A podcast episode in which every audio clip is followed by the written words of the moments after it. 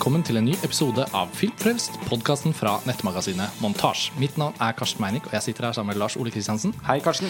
Og nå er vi på plass på filmfestivalen i Venezia for tredje år på rad. Og dette er den første av våre klassiske festivalpodkaster. Eh, Og vi skal gå rett på de to filmene vi skal snakke om.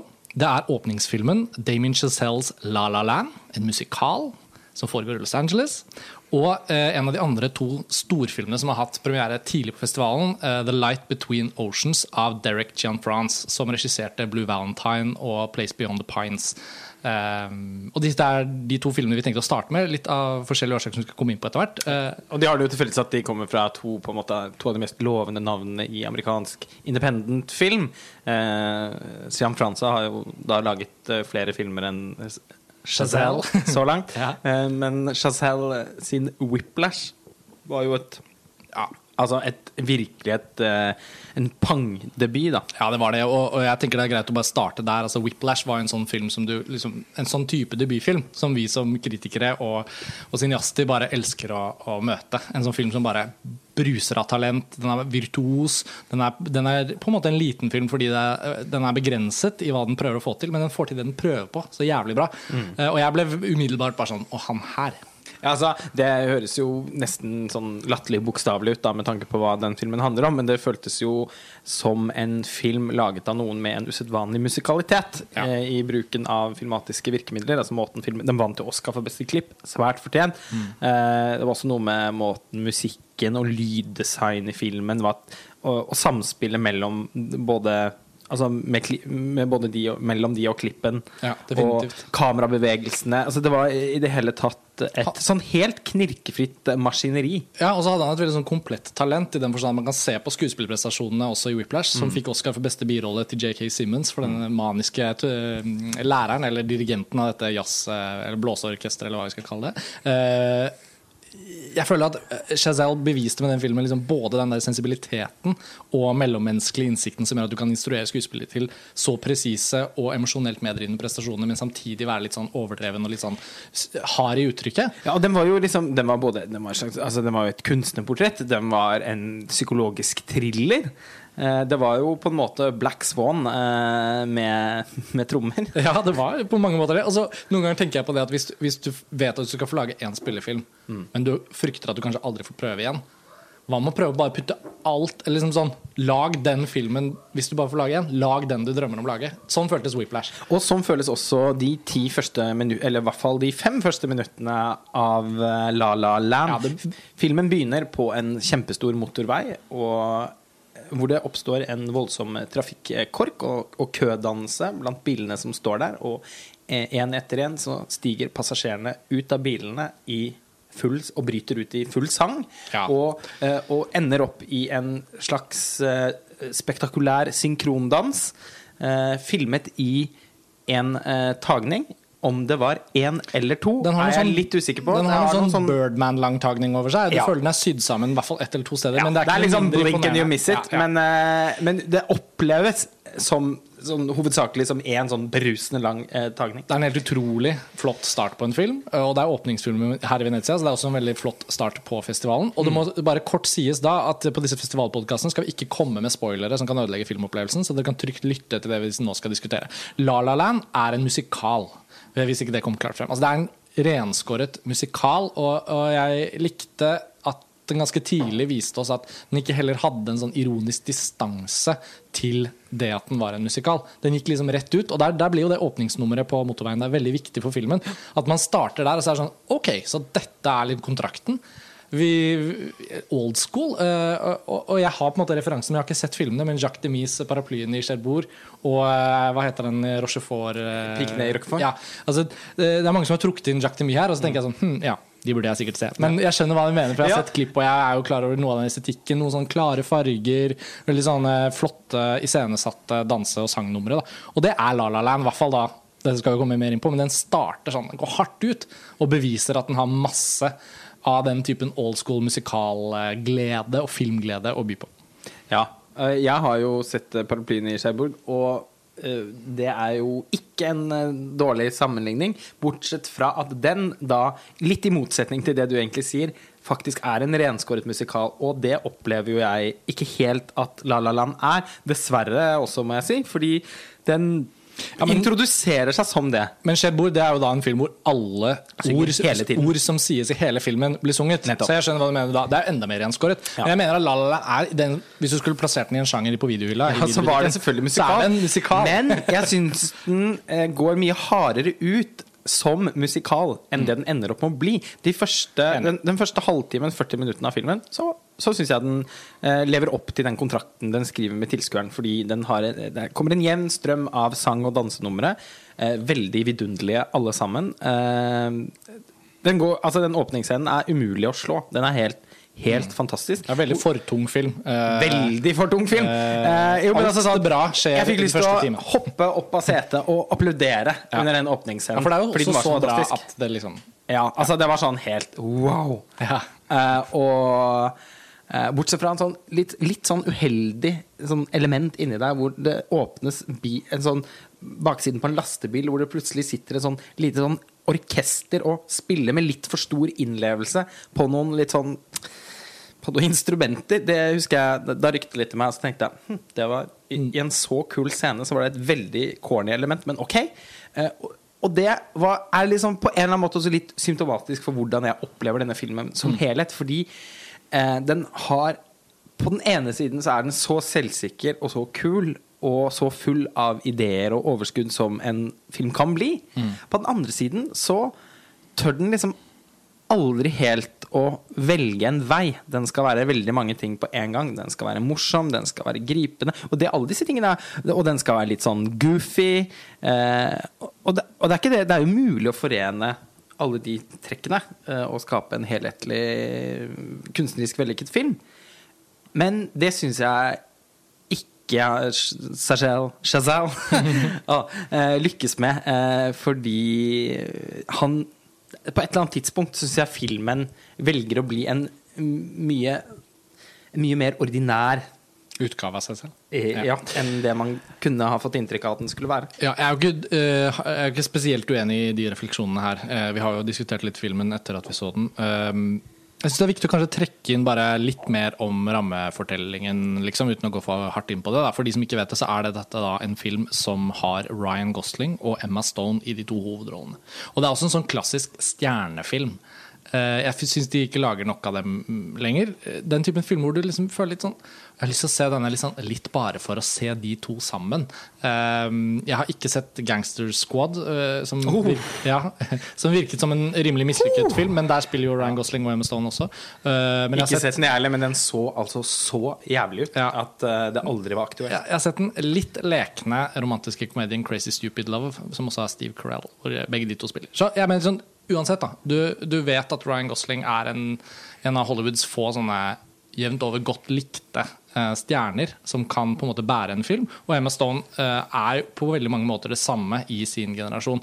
Så det å putte de to sammen her i den filmen føles veldig riktig. Og, og med en gang liksom det settes opp, og det er en slags sånn meet cute, og de er liksom sånn Ok, det blir disse to eller filmen skal handle om det, eh, så er den jo en kjærlighetshistorie. Det er jo en, forsøksvis en romantisk fortelling som bruker liksom musikalens veldig sånn forførende elementer til å ta oss litt ut av eh, 2016-verden. Det er jo på en måte ikke en film om vår tid. Det er, altså, det er en- drømmefortelling. Ja, og den er jo det er en veldig sånn anakronistisk film. Den eh, har jo den, det, det er masse 50- og 60-tallsstil. Altså mye sånn, sånn amerikansk diner-stil i filmen. Samtidig så er det også masse innslag av 80-talls-fluff.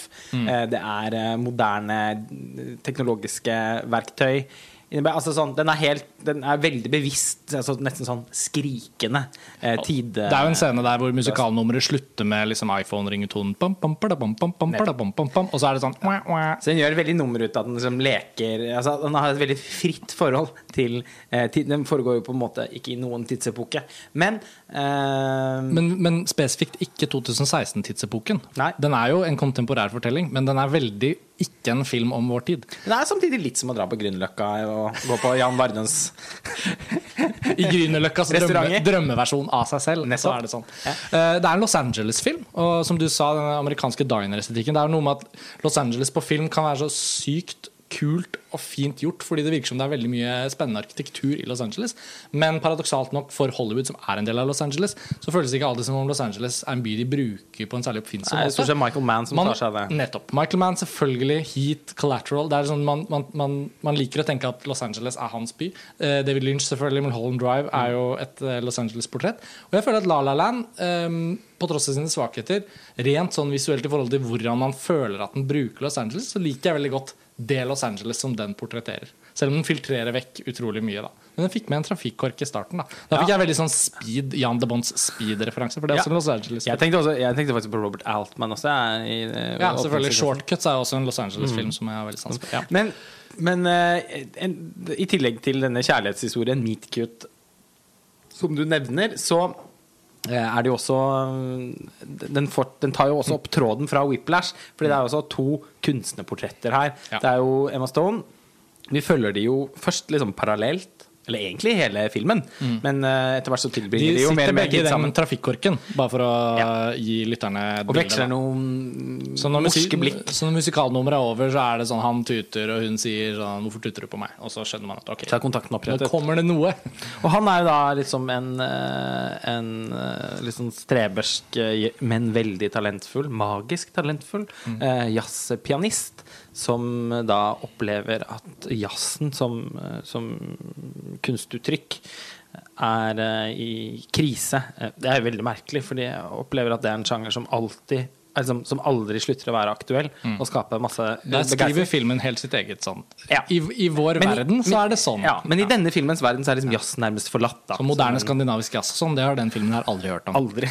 Eh, og det er selvfølgelig litt teit, men, eh, men, eh, men Ja, det, det, skal sies bare sånn Det er veldig én til én at han bare sånn Louis Armstrong, you know what he did? ja, jeg, sy jeg syns det var veldig vanskelig. da, da er det litt sånn huh, Det ble litt svett. ja, det var ganske svett. Fordi den er levert uten noen sånn Filmen er i- blunk-blunk. Filmen er i det hele tatt ofte litt svett når den skal prøve å være morsom. Mm. Fordi når den sånn, den, den har noen ting som er morsomme bare fordi det vokser ut av situasjonene, og da er det selvfølgelig gøy. Mm. Og det er noen ting der som er så skrullete og overdrevet at det blir morsomt. Men når den sånn virkelig skal prøve å være sånn vittig, da faller den som regel gjennom.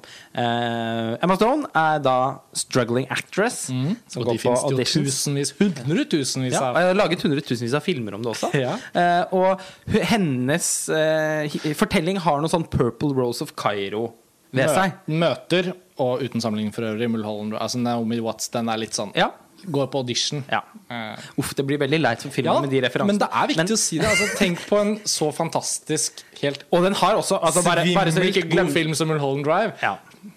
Damien, Damien Chazelle har sett den. Ja, ja helt klart. Det er noe med bruken av pastellfarger og sånn Ja. i de dam, daram, dararara. Som er- Går ikke an å ikke tenke på noe. Filmene er totalt forskjellige sjanger og det er liksom ikke noe, ikke noe mer enn det. Men mm. Og det går heller ikke an å ikke tenke på Purple Rose og Cairo. Og det går i hvert fall ikke an å ikke tenke på den europeiske fasen til Woody Allen, fordi det er også en sekvens i denne filmen hvor det er akkurat som Kom Darius Konji inn og, og, og, og, og, Fotograferte og, fotograferte og liksom uh, penslet inn filmen i sånn smeltet smør, som, Men som han ofte gjør for Woody Allen. det, Dette hadde jeg ikke trodd jeg skulle si, men pga. Emma Stone så er det også litt sånn Er det den første gangen en film refererer til Woody Allens 'Magic in the Moonlight'? Ja, det så faktisk sånn ut. Eh, og etter, Det var veldig kjapt. det var veldig, veldig kjapt. Woody Allen-filmen som ingen trodde at kom til å bli en sånn kulturell kioskvelter. Nei.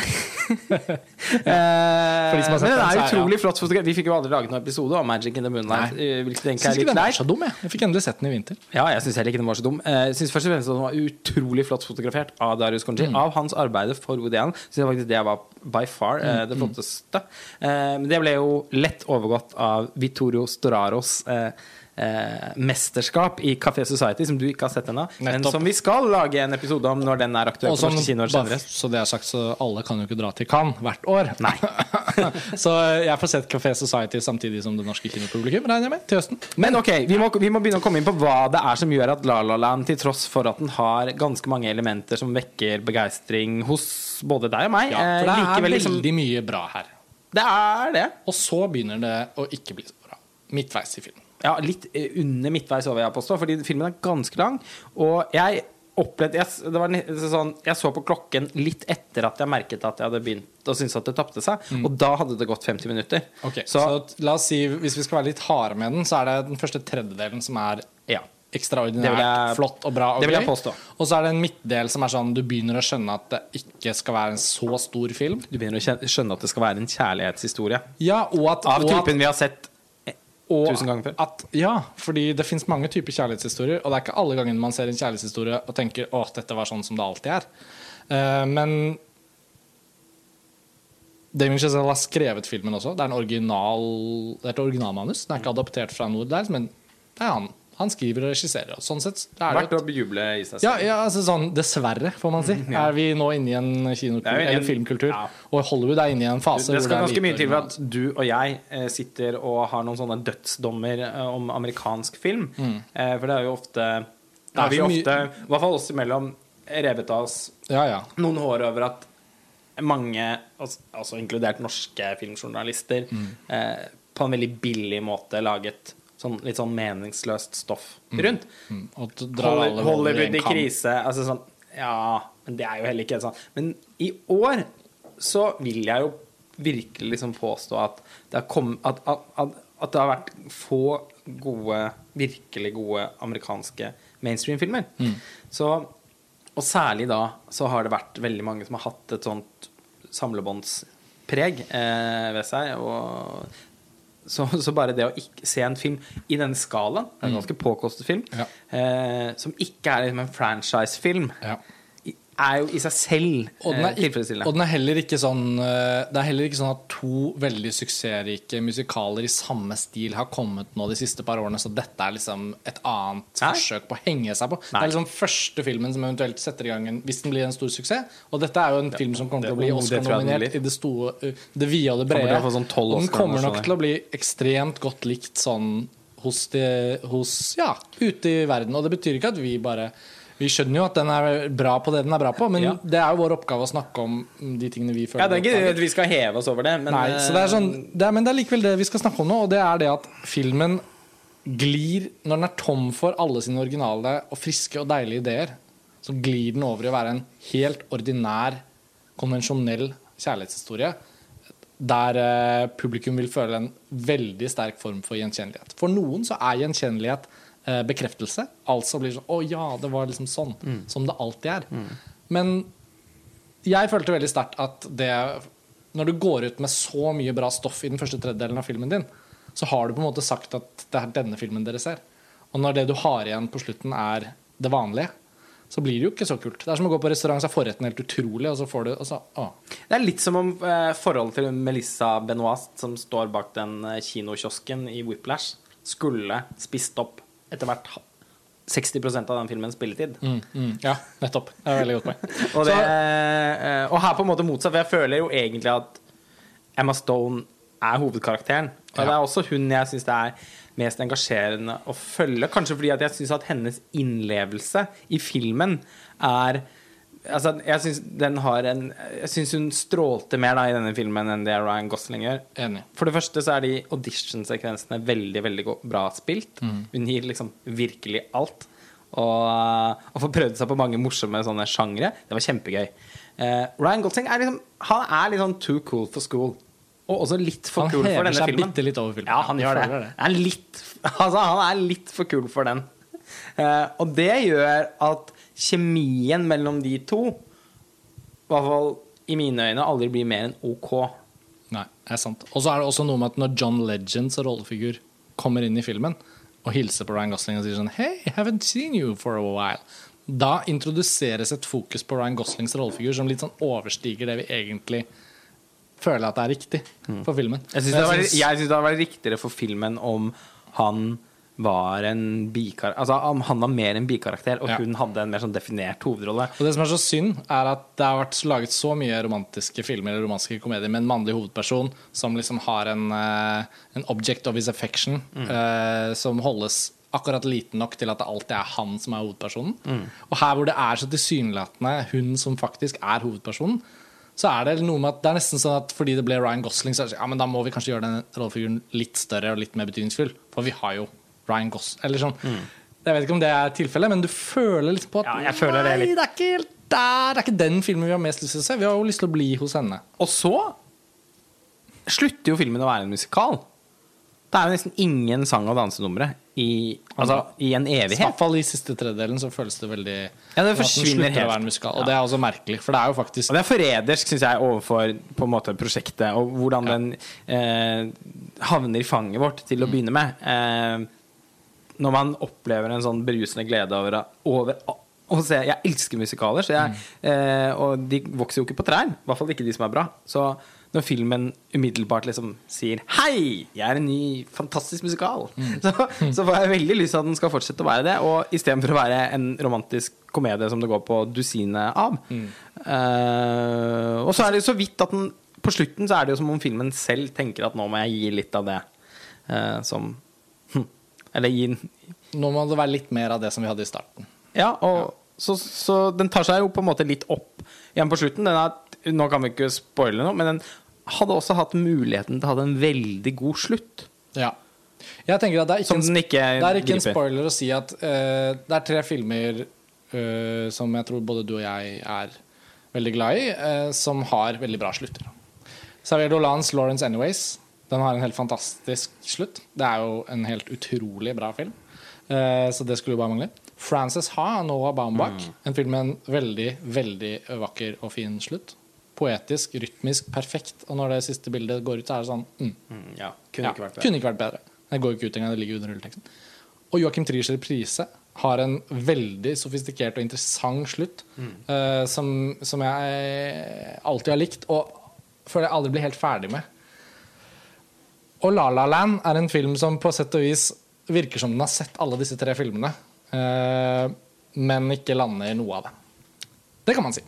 Det kan man eh, Eh, trygt si, fordi det er veldig gode sammenligninger, syns jeg. Den har Og den, den, den er litt så, den, det, jo, det, skal, det er liksom ikke måte på hvor, hvor mye som skal settes i sving eh, mot slutten der. Da, er, da, er det, da føler jeg faktisk også at filmen liksom skal virkelig prøve å imponere oss.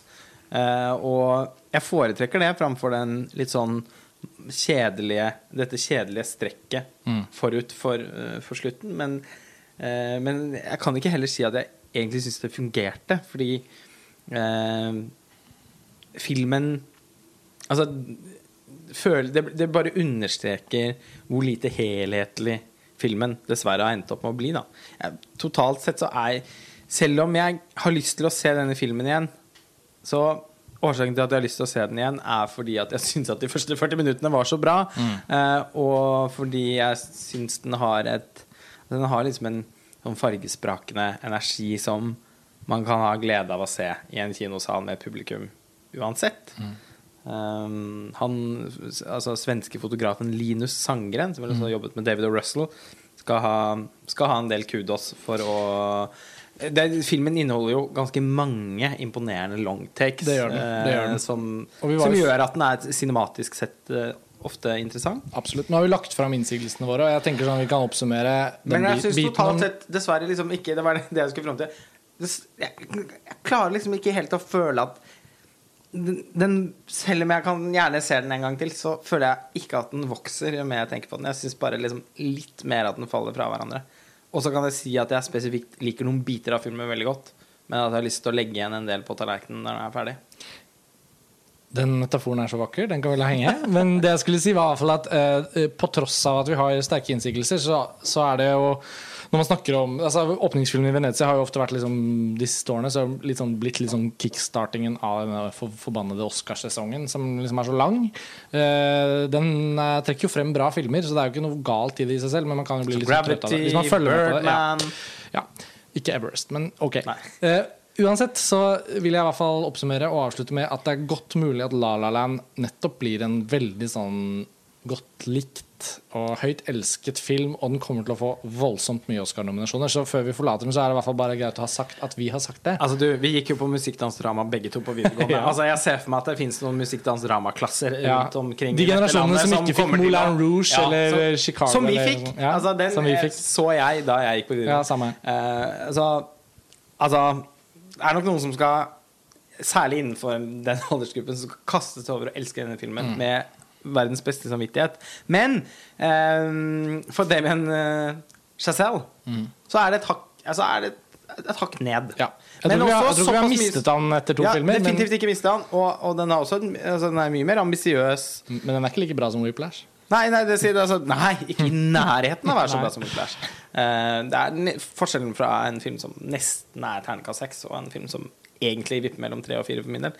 Så eh, ganske sånn ordentlig hakk ned fra debutfilmen, men samtidig så er det også en mye vanskeligere film å få til. Det er mye, altså, ambisjonene er så høye at man um, Det er jo også denne type film man er litt glad for at noen prøver å lage. Ja.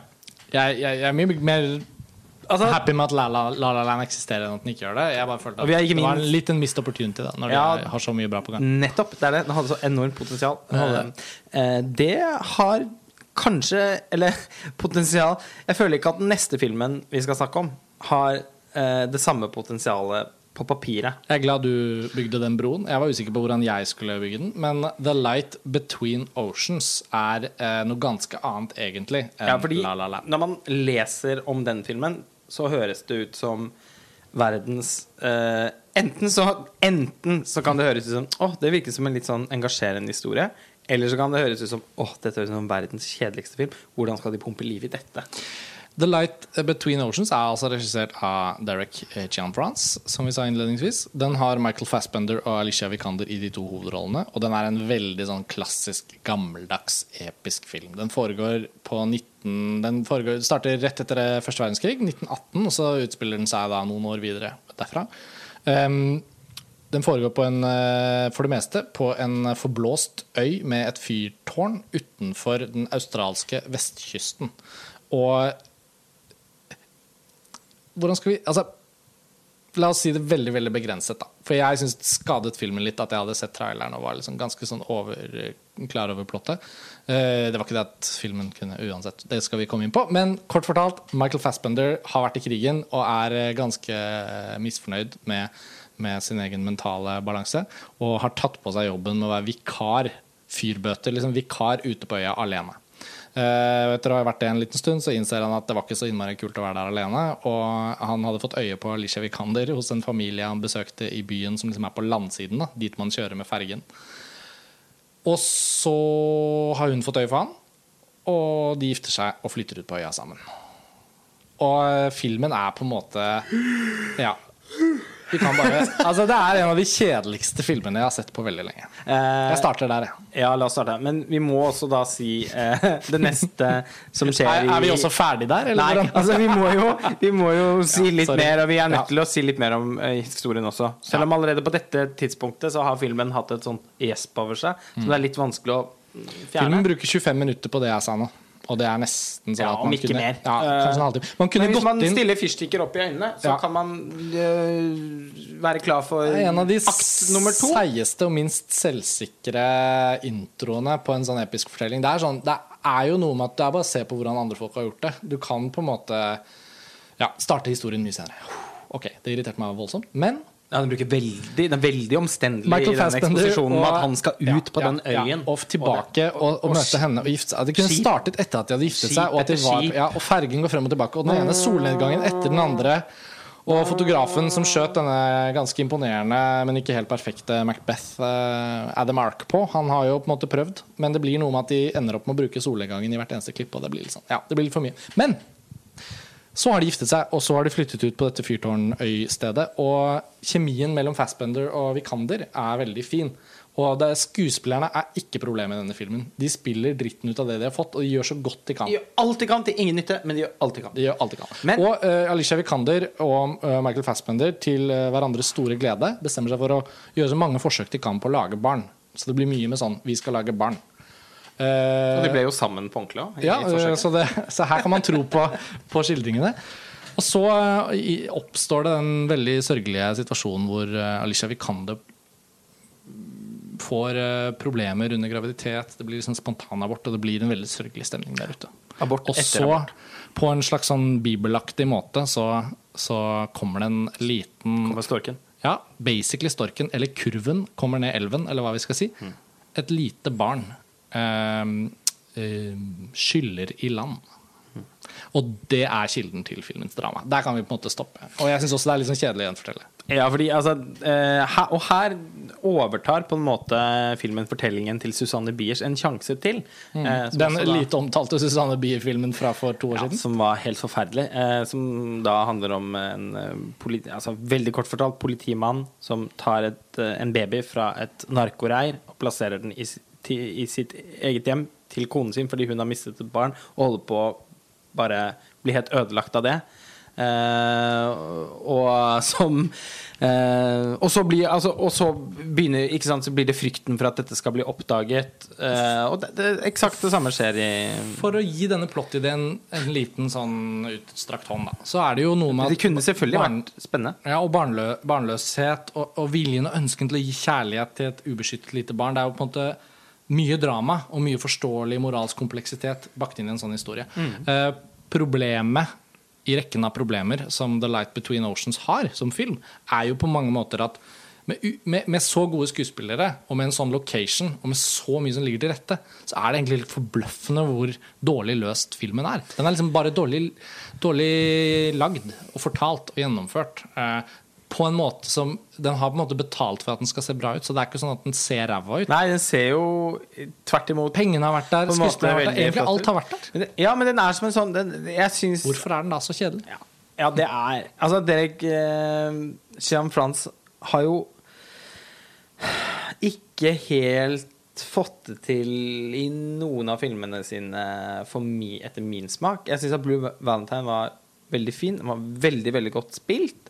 Syns ikke det var noen overveldende spennende film som film, men den var bevegende. Bra indie-drama som man tenker wow. Bevegende, veldig bra spill. Ikke like bra som Williams, Whiplash, men-. Nei, ikke like bra som Apropos debutfilmer. Ja. Uh, Place Beyond the Pie syns jeg eh, var uh, på, Altså, det var en veldig underlig og lei opplevelse for min del. Jeg syns at den første delen av filmen med Ryan Gosling var utrolig bra.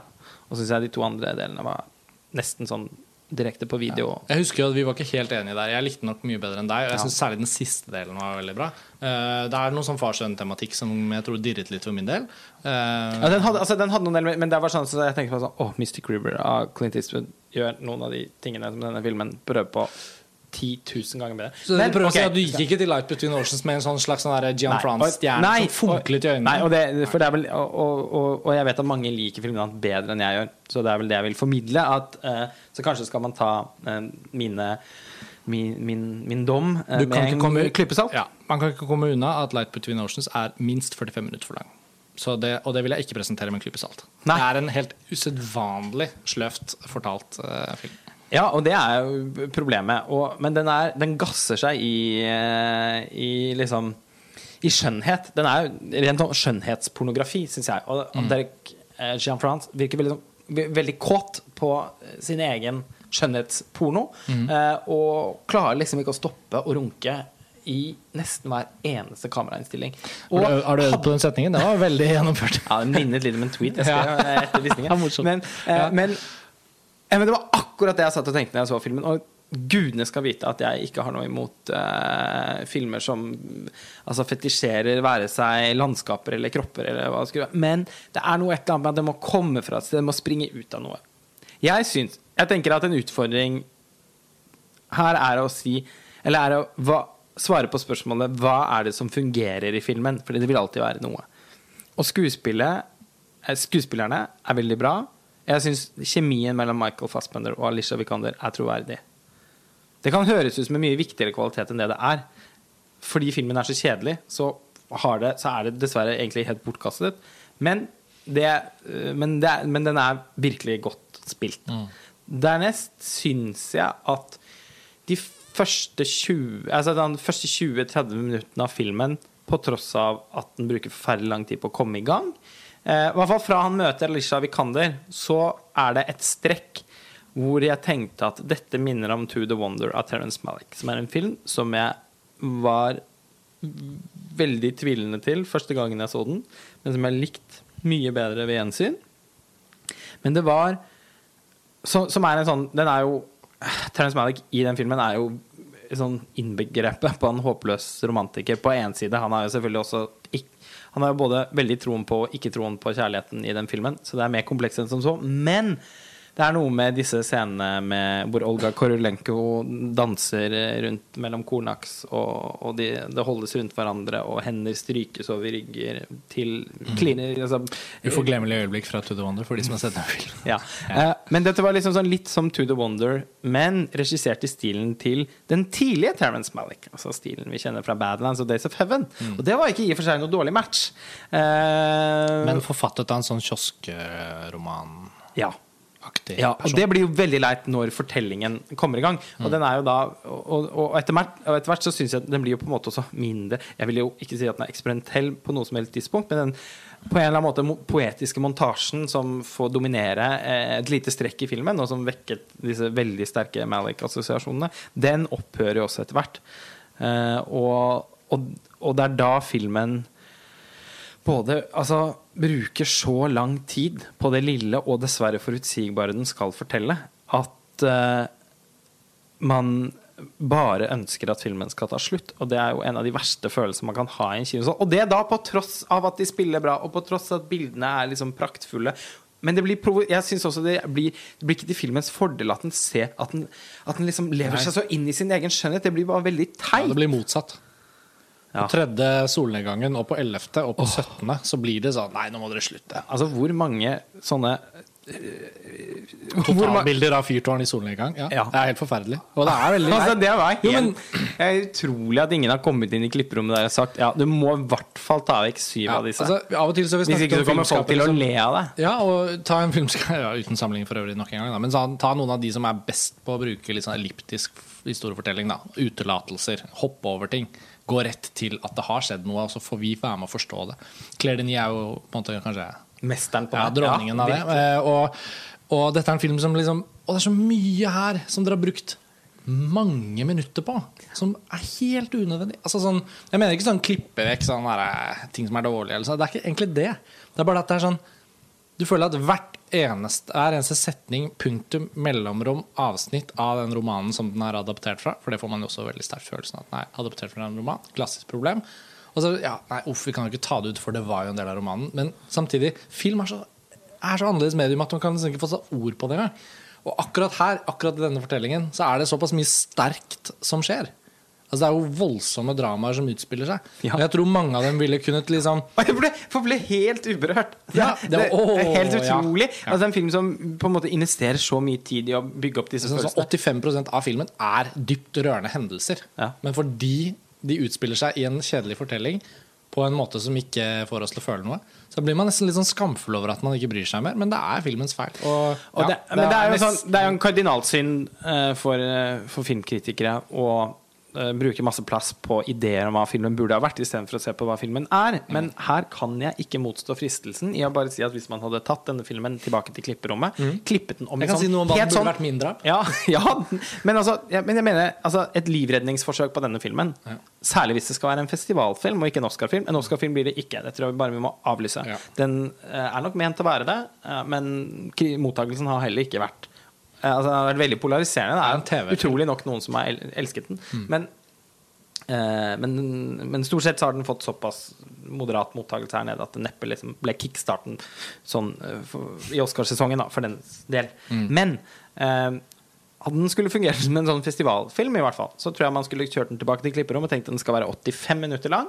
Og så hadde man klippet den i litt sånn ukronologisk rekkefølge. Sånn at hele filmen var som en sånn stream of consciousness. Sånn poetisk Malik-aktig montasje. Da hadde man sagt åh, det ble jo så Malik-pastisj at det Ja. på en måte ble litt patetisk. Men altså, i, i all verden, det var flotte bilder. eh, Det var litt morsomt å se. På et eller annet tidspunkt så bruker faktisk også regissøren musikken som åpner The Tree of Life, og tror at vi har glemt det. Og det- koblet til et barn, og det er liksom Altså, veldig mye av det samme. Ja. Det var så, var så det patetisk. Ja, det er patetisk. Um, kort liten ting. Uh, den amerikanske independent-filmen 'Ain't Them Body Saints' av David Lowery er en film for de som har sett den, med Rooney Mara og Casey Affleck og Ben Foster. Er Han har jo fått så bra kritikk nå for den Pete's Dragon. Ja, det blir veldig spennende. Han har en struktur på den filmen, Ain't Them Body Saints, som litt minner litt om det du snakker om. Altså, ikke helt, men den, har, den tillater seg i hvert fall, og den er også ganske Malik-inspirert, den tillater seg i hvert fall å la det flyte litt. Da. Og øh, den ekstreme sånn A til B til C til D til, og så til slutt til Å, som Light Between Oceans er fortalt. Den er fortalt i så ren rekkefølge at man blir nesten litt sånn Er det mulig? Er det mulig at de ikke prøver på noe? Og når man har sett hele filmen, uten å avsløre noe, så er det jo elementer der hvor jeg tenker sånn Altså, hvorfor er det ikke lekt med Ram? Hvorfor er det ikke lekt med Og det dukker jo også opp rollefigurer som Rachel Weisz-karakter, for eksempel, så tenker jeg sånn Oi! Den burde jo vært mer fremtredende. Hennes for, Altså, ja. Jeg, jeg syns det er kjedelig å bruke for mye tid på den filmen. Jeg tror kanskje vi skal oppsummere tror denne vi episoden. Men, men vi har fått gjort klart og tydelig at uh, Light Between Oceans er, en- det er en skikkelig kalkun, faktisk. Jeg Den er ikke like dårlig som Queen of the Desert av Werner Herzog, som vi snakket om eh, fra Berlin i 2015. Og den er i hvert fall ikke like dårlig som Isabel Coixets film, som jeg ikke husker tittelen på engang. Fra det samme året. Men den er, den er nesten der. Ja, altså Den er litt for vellaget, og den har litt for lite elementer av sånn åpenbart ræva ting. Ren ræva ting. Ja. Eh, Kalkun er kanskje feil ord. ja, den er ikke helt en Nei, Men den er, kalkun. hva er den da? Den er på en måte det derre Det er en kjempekjedelig film. Ja, det er det. Med to timer og et kvarter du aldri får tilbake igjen. Ja, og det er veldig leit å si med en film, det også. Heldigvis så har vi jo sett enda flere filmer i Venezia allerede, og vi gleder oss til å komme tilbake med en ny podkastepisode hvor vi skal snakke om helt andre ting, og det er mye som er gøy å snakke om. Eh, så For, forhåpentligvis filmer som kanskje gir eh, som, som vi vil huske lenger enn enn f.eks. Light Between Oceans. Eh, Jeg tror vi avslutter der. Ja. Takk for at dere hører på Filmfrelst. Som alltid, vi er veldig takknemlige for deres innspill og forslag og ideer. Dere må bare sende oss det. Festivalpodkaster for oss er jo en veldig sånn morsom sjanger, så vi returnerer veldig snart med en ny episode. Eh, Dette var eh, første runde Venezia 2016. Takk for oss. bra. Ha det bra.